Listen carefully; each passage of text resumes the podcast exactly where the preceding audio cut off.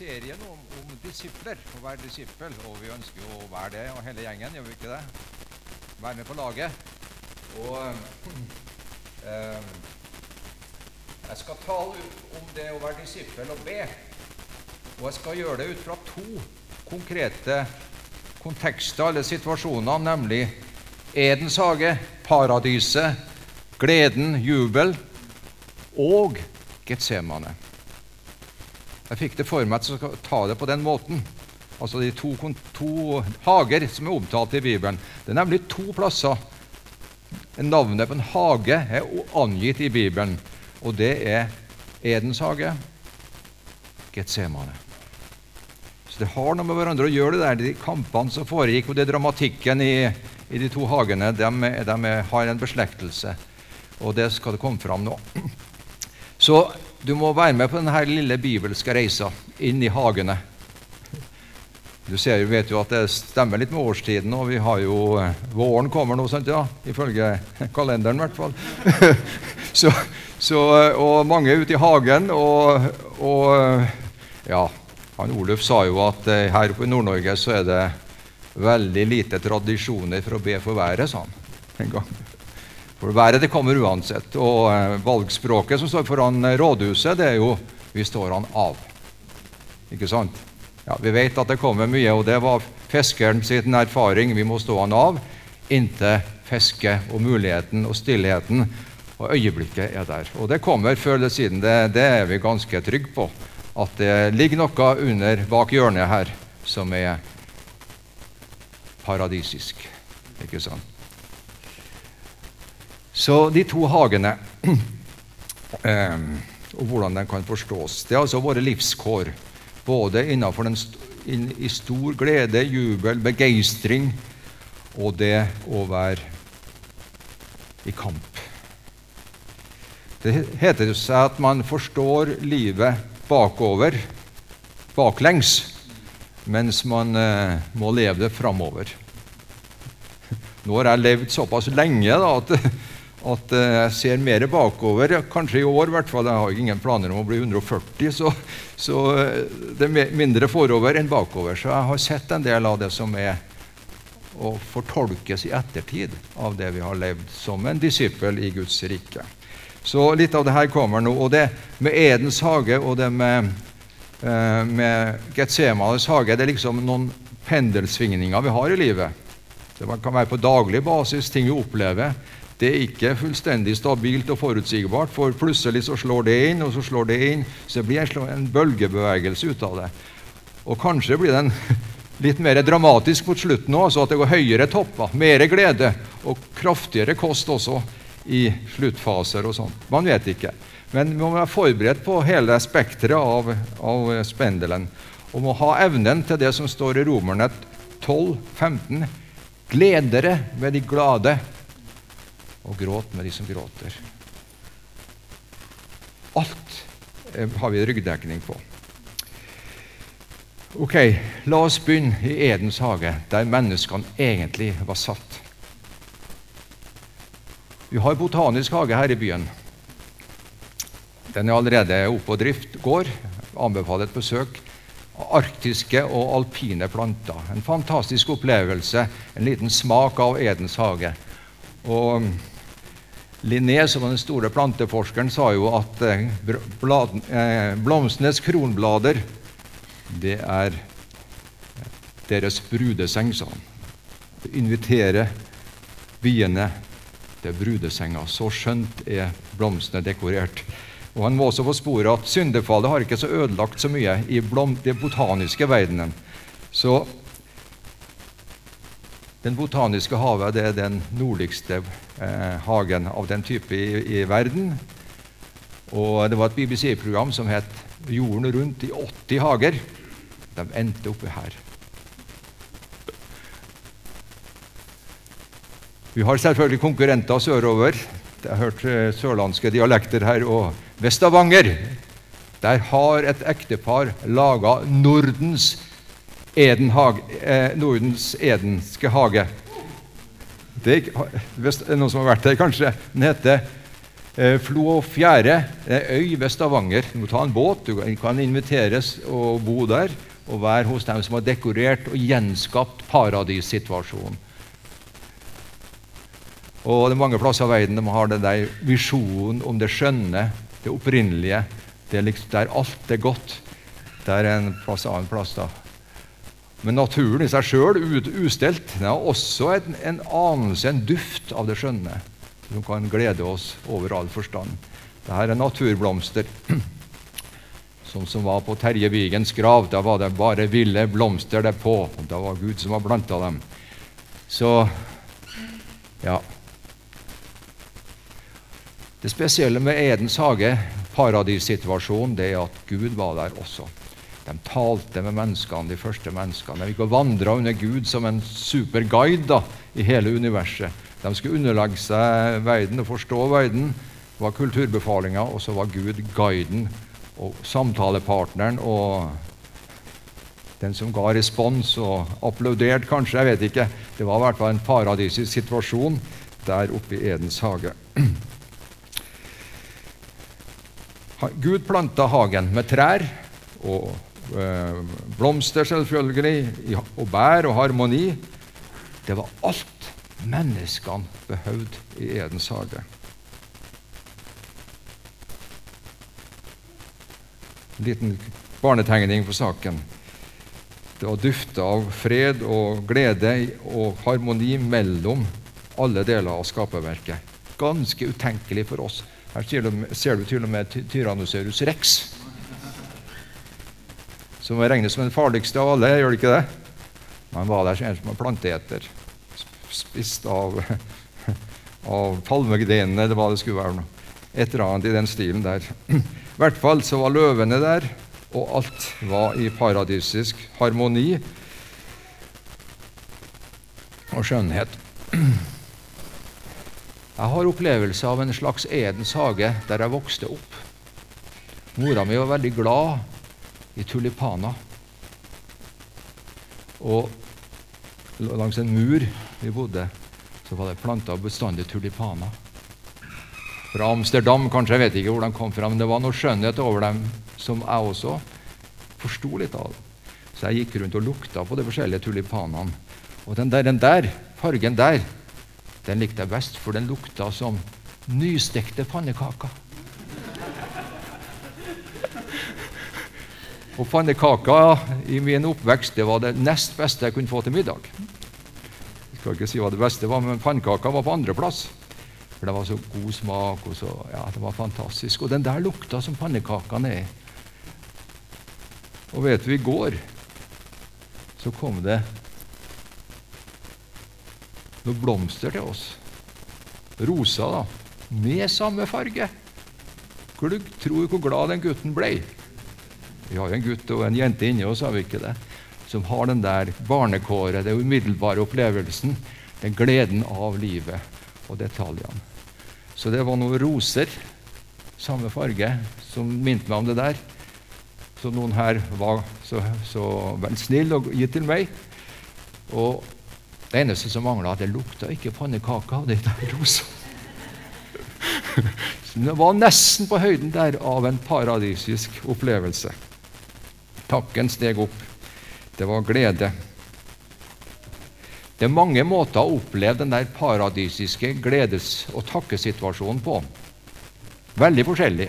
Man kan oppleve den eh, eh, gjennom å møte mennesker, snakke med kloke mennesker, få råd. Kanskje hjelpe andre også. Du opplever en situasjon der. Takk Gud at det her går an på denne sida av livet vårt det er altså en, noe vi er skapt til, som vi hører til i. Og Jeg skal ta et eksempel fra fotball. Det er noen få her som er veldig glad i fotball. Bak å vinne en fotballkamp så ligger det ganske mye hardt arbeid. altså. Du svetter i 90 minutter, og du kjenner du er skitten, og du har blitt blåmerka her og der, og, og musklene skriker. Og så vinner du kampen, kanskje. Annenhver gang, i hvert fall. Å sitte ned og nyte gleden av at du vant denne kampen. Det sier man alle fotballtrenere. Det skal man unne seg. ellers har du ikke fortjent å vinne. Altså, Du skal ta med deg det der som en gave i livet på det området der. da. Og så vær takknemlig. Og Salme 23 sier jo det i en helt annen sammenheng da enn fotball, selvfølgelig. Men noen jo, har jo slagside mot fotball, og noen har andre slagsider. Så uansett Du lar meg ligge i grønne enger, leder meg til hvilens vann. Fantastiske øyeblikk. Jeg skal ta et annet crazy eksempel for, som, vi, som, viser hvor forskjellige vi mennesker er. Jeg har jo drevet veldig mye med matematikk, for å si det mildt. Og jeg og lærebøkene hadde i Trondheim når jeg studerte der, så sto det om et, et bevis i lineær algebra, som heter, fagområdet heter. Så sto det at beviset var så vakkert og så skjønt og så enkelt at han fikk elektriske strømmer i ryggen. Han, altså han fikk opplevelse i, i, nervesystemet av å se dette beviset. Begeistringa var så stor at han kjente det fysisk. Og da sa for, ja, da sa til og med foreleseren at syntes den der gikk litt langt. Nå var en Serge Lang som har skrevet læreboka, en kjent en borti USA, som skrev det der. da. Sånn kan det være altså når du opplever noe jubel innenfor ditt eget fagområde. En annen ting ved bønn i glede, det er sang. Hver tirsdag så er det bønn her på huset, i kjelleren. Og så er sang her opp. Og Jeg bruker å være med på kjelleren, for der er jo ikke så mange. Og tenkte jeg og sånt. Og så senkte jeg litt, se dem opp som går opp. Det er en svær gjeng som sitter her da og synger og gleder seg og har jubel og sånt. Og så, men så sa jeg, så visste Gud meg Nesten alle sangene de synger, er bønn. Tenk over sangene. Minst halvparten er bønnesanger. Det betyr at de sitter jo her oppe og ber i sang. Ja, for det er jo, det er jo til Gud. sant, ja? Du, du blir, skal synge så, sånn rent og, og, godt som mulig framfor Herren. Så da er du i en paradisisk bønnesituasjon, eller må si kanskje lovprisning, da, for det meste er det som foregår i bønn. Og du er altså med din stemme i bønn.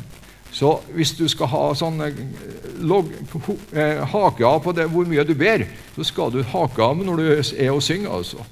Og når vi har vært her nå, er det masse bønnesanger. Da kan vi hake av. For mange syns de ber for lite. Du kan hake av når du synger, for det er bønnesanger som går opp. da. Og Det betyr at det har med den saken å gjøre. Og Det syns jeg var en god oppdagelse for meg som så med litt skjevt øye på dem som ikke ville være med i slitet her og i, bø, bø, bø, i første etasjen, men sitter oppe i tredje etasjen her. Det, ja, ja. De ber, dem også. Vi er på samme laget, er vi ikke det? Ja. Og det når fram til Herren. Sang er bønn.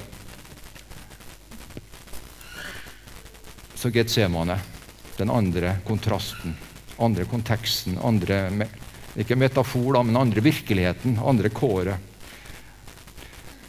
Jeg har vært der i Getsemane. Edens hage vet ingen hvor er. Getsemane den er avmerka på kartet, og du kan besøke den. Den er ikke så stor. Der er noe av dagens situasjon den med Oljeberget. Du har god utsikt til tempelet derifra, men der ligger det en hage med store trær. Og Jesus var der i en dramatisk hendelse som en kontrast da, til Adam og Eva i Edens hage. Der var altså Jesus samme dag som nattverden gikk han til Edens hage. Vi har feira nattverden nå. Samme dag gikk han inn i, Edens, i eh, Getsemane, som betyr oljepressen. Der var det mørkt, kaldt. Soldater, bønn. Det er mange bilder, det er tusenvis av bilder som er malt av Getsemane. Her er et annet et. Men her er Jesus på Getsemane. Det som jeg så da jeg var liten, kanskje. Det var litt pyntelig, var det ikke det? Christ in Getsemane 1886. Et lys over deg og ligger på knær, og derfor er det en viss tradisjon at du skal ligge på knær når du skal ha bønnekamp. Men det er mer realistiske bilder enn det der litt forskjønna bildet. Her er litt mer realistisk, kanskje. Der Jesus i bønnekamp. Men det er nok enda tøffere enn de der skildringene. Han kasta seg til jorden the agony of the garden. Han kasta seg til jorden. Så dyp var kampen. Han ba for menneskeheten.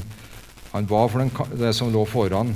Han ba til og med om at begeret kunne gå han forbi hvis det var Guds vilje, men la nå din vilje skje. Og han visste at han ville følge sin far i himmelen, og visste at han skulle reversere syndefallet ved å ta alt på seg og gå fram helt til sluttfasen.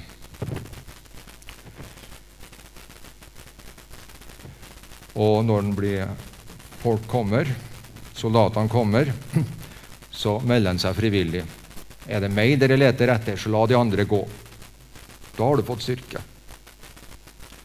Og når han sa det, da falt soldater til jorden.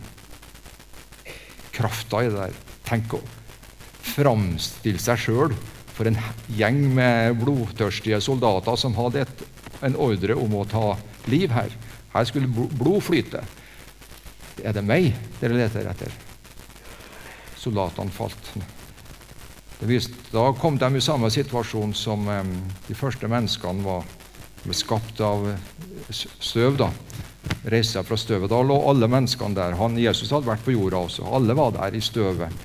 Så kom de seg opp igjen. Det viser noe av grunnstillinga for mennesket og sånn i, innenfor eh, fallet. da. Man havner på bakken. La de andre gå. Og det står i åpenbaringa Jeg skal sitere den direkte. Um, der. For du måtte bli slaktet, og med ditt blod har du frikjøpt alle for Gud, mennesker av alle stammer og tungemål, av alle folk og nasjoner. Du har gjort dem til et kongerike og til prester for vår Gud. Altså en voldsom transaksjon som foregår da, gjennom at Jesus framstiller seg for eh, soldatene og brutaliteten og verdens kår og tar kampen for oss. Ok, Jeg har sett en gang et menneske falle til jorden. Litt mer brutalt enn du, Peder, gjorde her. Var på jobben. Så ringte de fra legevakta, det er som jobber der, og fortalte sønnen din har kommet inn død. Jeg var der akkurat når hun fikk det budskapet. Hun falt totalt rett ned. Jeg har aldri sett noe sånt. Det var utrolig sterkt å se et menneske falle til jorden på den måten. Vi snakk, prøvde å snakke, nå gikk selvfølgelig ingen vits å snakke. Vi måtte bare hjelpe henne ut og tok en taxi til legevakta for å se. Heldigvis fikk jeg snakka med henne en par år senere og fortalt at Jesus falt også til jorden. Ikke et semane. Jeg så akkurat det samme som jeg leste i Bibelen. Og det tror jeg betydde noe for henne. Falt til jorden. Du kan bli reist opp igjen. Jesus har vært der. Han har tatt hele prisen. Eh, det var en Ole Paus han sa jo etter å ha hørt den sangen 'O bli hos meg' og sunget den sjøl Nå vet jeg at det er folk som har vært dypere enn meg sjøl. Han har kanskje hatt litt å kjempe med i livet, han også, som de fleste kunstnere har, men eh, nå vet jeg at noen som har vært dypere enn meg. Og Jesus var der i dybden. men falt til jorda, reiste opp igjen og gjør at her er jeg, la de andre gå. Han falt ikke for fristelsen for å gå ut, utenom. Han gikk løypa ut. Et annet eksempel på total bønnekamp og nød og sånt som jeg har opplevd sjøl, direkte i familien. De ringer fra politiet, tror jeg det var, sier at ene sønnen din har kollidert nå med en trailer på E8. Det er nummer to av våre sønner. Krasja med en trailer. Ja vel. Det høres brutalt ut, gjør det ikke det? Det For en pappa å høre det. og Det håper jeg ingen av dere slipper får høre så mye av. Men eh, noen av oss har hørt det, og noen har opplevd det veldig dra dramatisk også, at livet var gått for barn. Og Vi reiste jo til syk til sykehuset, da, og så der lå det en gutt med glassbiter og sånt. Man var våken og sånt. Og ja Jeg så, til, så på han og sa Gud har berga deg nå. Og så sa han bare Det var jo litt tidlig å dø nå, da, sa han. Det var det eneste han sa, for han, han huska ingenting av kollisjonen. Det var litt tidlig å dø, så han hadde kall over sitt liv da. Ja, ja det har jeg vært med på. Dødsskyggens dal står det med Salme 23 også. Om vi enn skulle vandre i dødsskyggens dal, i Getsemane, der er også din kjepp og din stav med meg og trøster meg og bærer meg gjennom. Det fins ingen umulige situasjoner for oss. En uh, berømt predikant her i området som er kjent, Børre Knutsen Kanskje den største gudsmannen jeg har møtt noen gang. Men han var jo, gikk og, og forkynte og, og hjalp mennesker. Og media karikerte han jo selvfølgelig, som det hører, seg hør og bør. Han var en veldig vis mann, ganske liten. Han snakka om at han jobba en hel dag eller mange uker og reiste og besøkte lange avstander her. Så sa han at han kunne sitte og kjenne på, og så brukte han det ordet 'den deilige Golgata-følelsen'.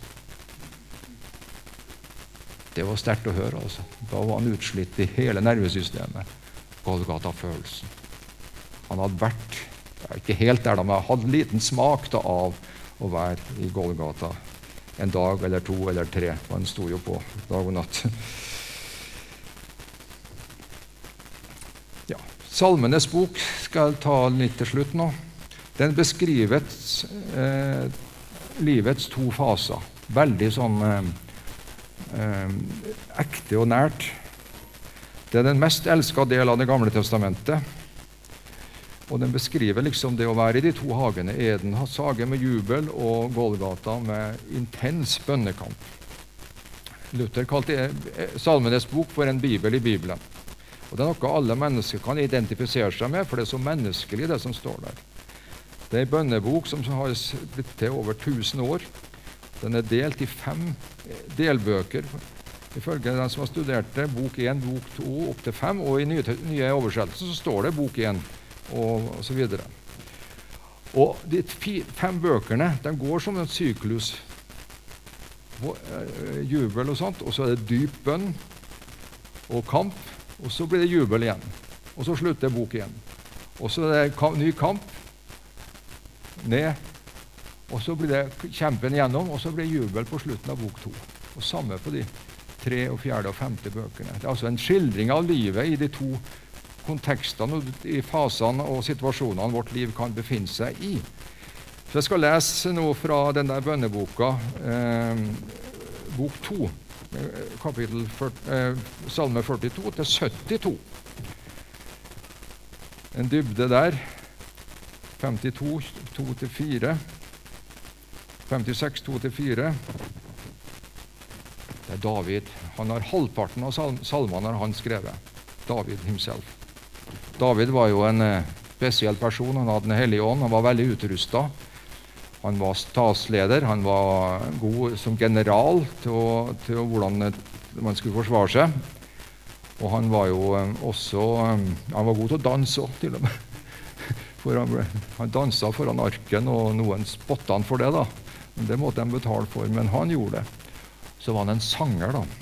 Til og med spille eh, faren sin i godt humør med harpa når han var djuptenkt og tungtenkt og deprimert. Så spilte han den opp, liksom. Han hadde mus musikkens gaver. Han hadde alt den der fyren. Selv om han synda også grovt. Så, eh, og to salmer er om bearbeidelsen av synd. Da det er salme 30 og 51. Hvor dypt han kunne gå der også. Men la oss ta 56, eh, vers 2 og ja. Vær meg nådig, Gud. Folk jager meg. Stridsmenn trenger seg på meg hele dagen. Fiender jager meg dagen lang. På sin høyde går de til angrep. De er mange. Nå er jeg redd, sier han. Så en veldig realitetsbeskrivelse av en rimelig heftig situasjon. Og så er det slutten av boka, da. 72, 18 og til 20. Da har han nådd til Da er han oppe i Edens hage igjen, i jubel, i takk i det paradisiske. Velsignet er Herren Israels Gud, Han som gjør under, bare Han. Og velsignet er Hans herlige navn til evig tid. Hele jorden skal fylles med Hans herlighet. Amen. Ja, amen, står det. Han punsjer det inn. Amen, ja, amen. Og så står det lakonisk til slutt her, da. Bønnen av David, Isais sønn, er til ende her. Han ble kjent for det. Og vi har lest hans salmer i flere tusen år. Han skribent av Guds nåde. Det skildrer negative følelser. Sinne, frustrasjon, sjalusi, fortvilelse og misunnelse. Det skildrer også positive følelser, glede, håp og fred. Og det ender, da, Salmenes bok. Hvis du skal ha noe Når du er ferdig med mastergraden din eller en hvilepæl i livet eller fått deg en, ja, en god ting, skulle du lese på slutten av Salmenes bok. Det gjorde jeg nemlig den gangen. Flere ganger. Da kom den store hallelsangen. Han svenske som lærte meg det, den store hallelsangen. 150. Halleluja. Lovsang Gud i Hans helligdom. Lov Han i Hans mektige hvelving. Lov Han for Hans storverk. Lov Han for Hans store velde. Lov Han med gjalne horn. Lov Han med harpe og lyre. Lov Han med trommer og dans. Lov Han med strengespill og fløyte. Lov Han med tonende cymbaler. Lov Han med rungende cymbaler.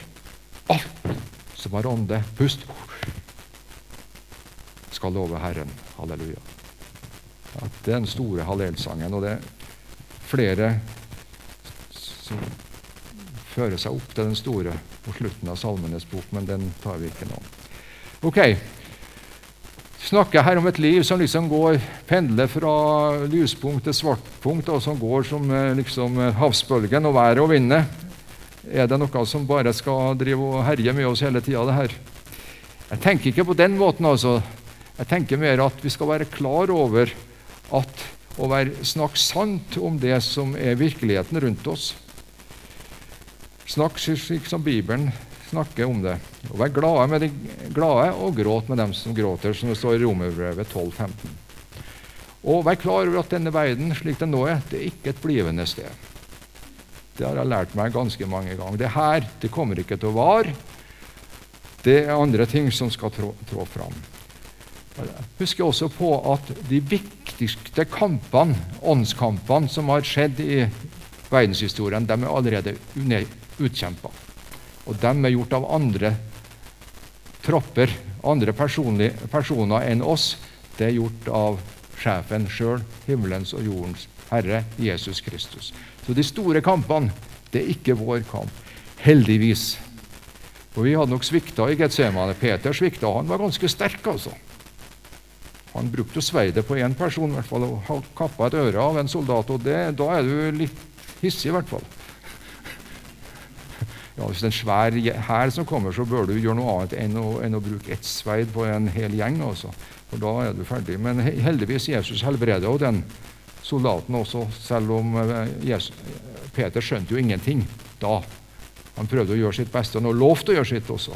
Men det hjalp ikke her da han ble helbreda, for det var en dypere kamp som lå bakom. Og det var den som han ikke hadde skjønt før etterpå. Men Jesus sa 'la de andre gå'.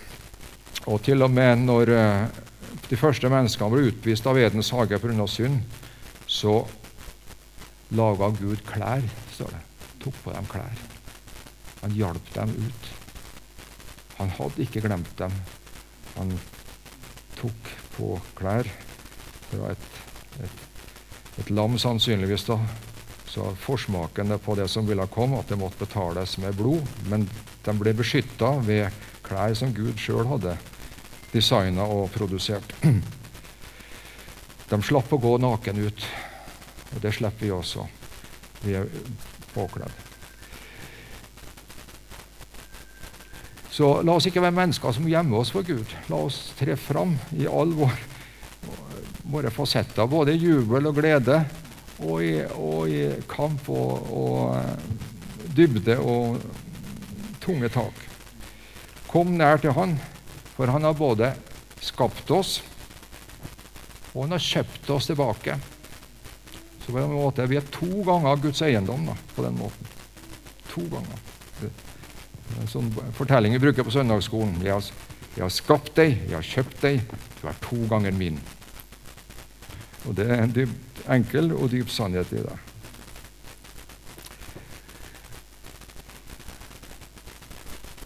Og så er det en tredje hage. Den har ikke noe navn. Det står faktisk at når Jesus sto opp, så var det Grava var i en hage uten navn. Det tror jeg med vilje at det ikke står noe navn på den. Du vet ikke hvor grava var. Det er flere kandidater til grav, men det var i en hage står det, der det var en grav som ikke var brukt. Og den var da eh, det som Jesus møtte kvinnene først, og så en del mannfolk. Oppstandelsen. Og da sier han da til Martha, var det, det sa han litt før, da. Jeg er oppstandelse og livet. Den som tror på meg, skal leve om han enn dør. La oss be sammen. Ja, far, takk at eh, du holder tak i oss, både når vi er på høyden, og når vi er på dypet. Takk at her er ditt uansett, og vi vet at din kamp, den arver vi som frelse og styrke, som holder livet ut. Takk at det er godhet fra A til Å fra din side, selv om vi har svikta, og selv om vi svikter. Så er du grunnmuren. Du er den som alltid står der. Du er den som holder tak i oss. Og La oss ikke holde tilbake noe. La oss ikke gjemme oss. La oss tre fram under ditt lys, slik at eh, vi får erfare det dypeste og viktigste i våre liv, din tilhørighet gjennom bønn og takk og tilgivelse. La det skje. Amen.